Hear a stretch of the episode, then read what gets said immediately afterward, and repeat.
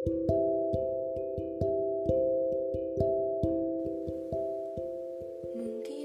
kalian asing dan kita emang gak pernah saling jumpa sebelumnya.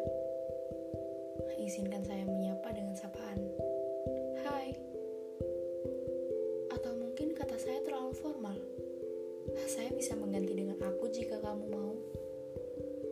Sebelumnya, terima kasih bagi kalian yang udah mau mendengarkan part perkenalan Yang dipaksakan, beberapa karya yang tadinya hanya bisa dinikmati lewat buku, kini bisa didengarkan lewat suaraku.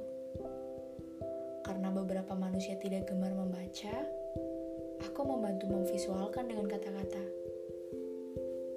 Aku harap kita bisa dekat. Aku harap kalian bisa menikmati. Karena isi curhatan ini masih tentang aku yang berusaha utuh.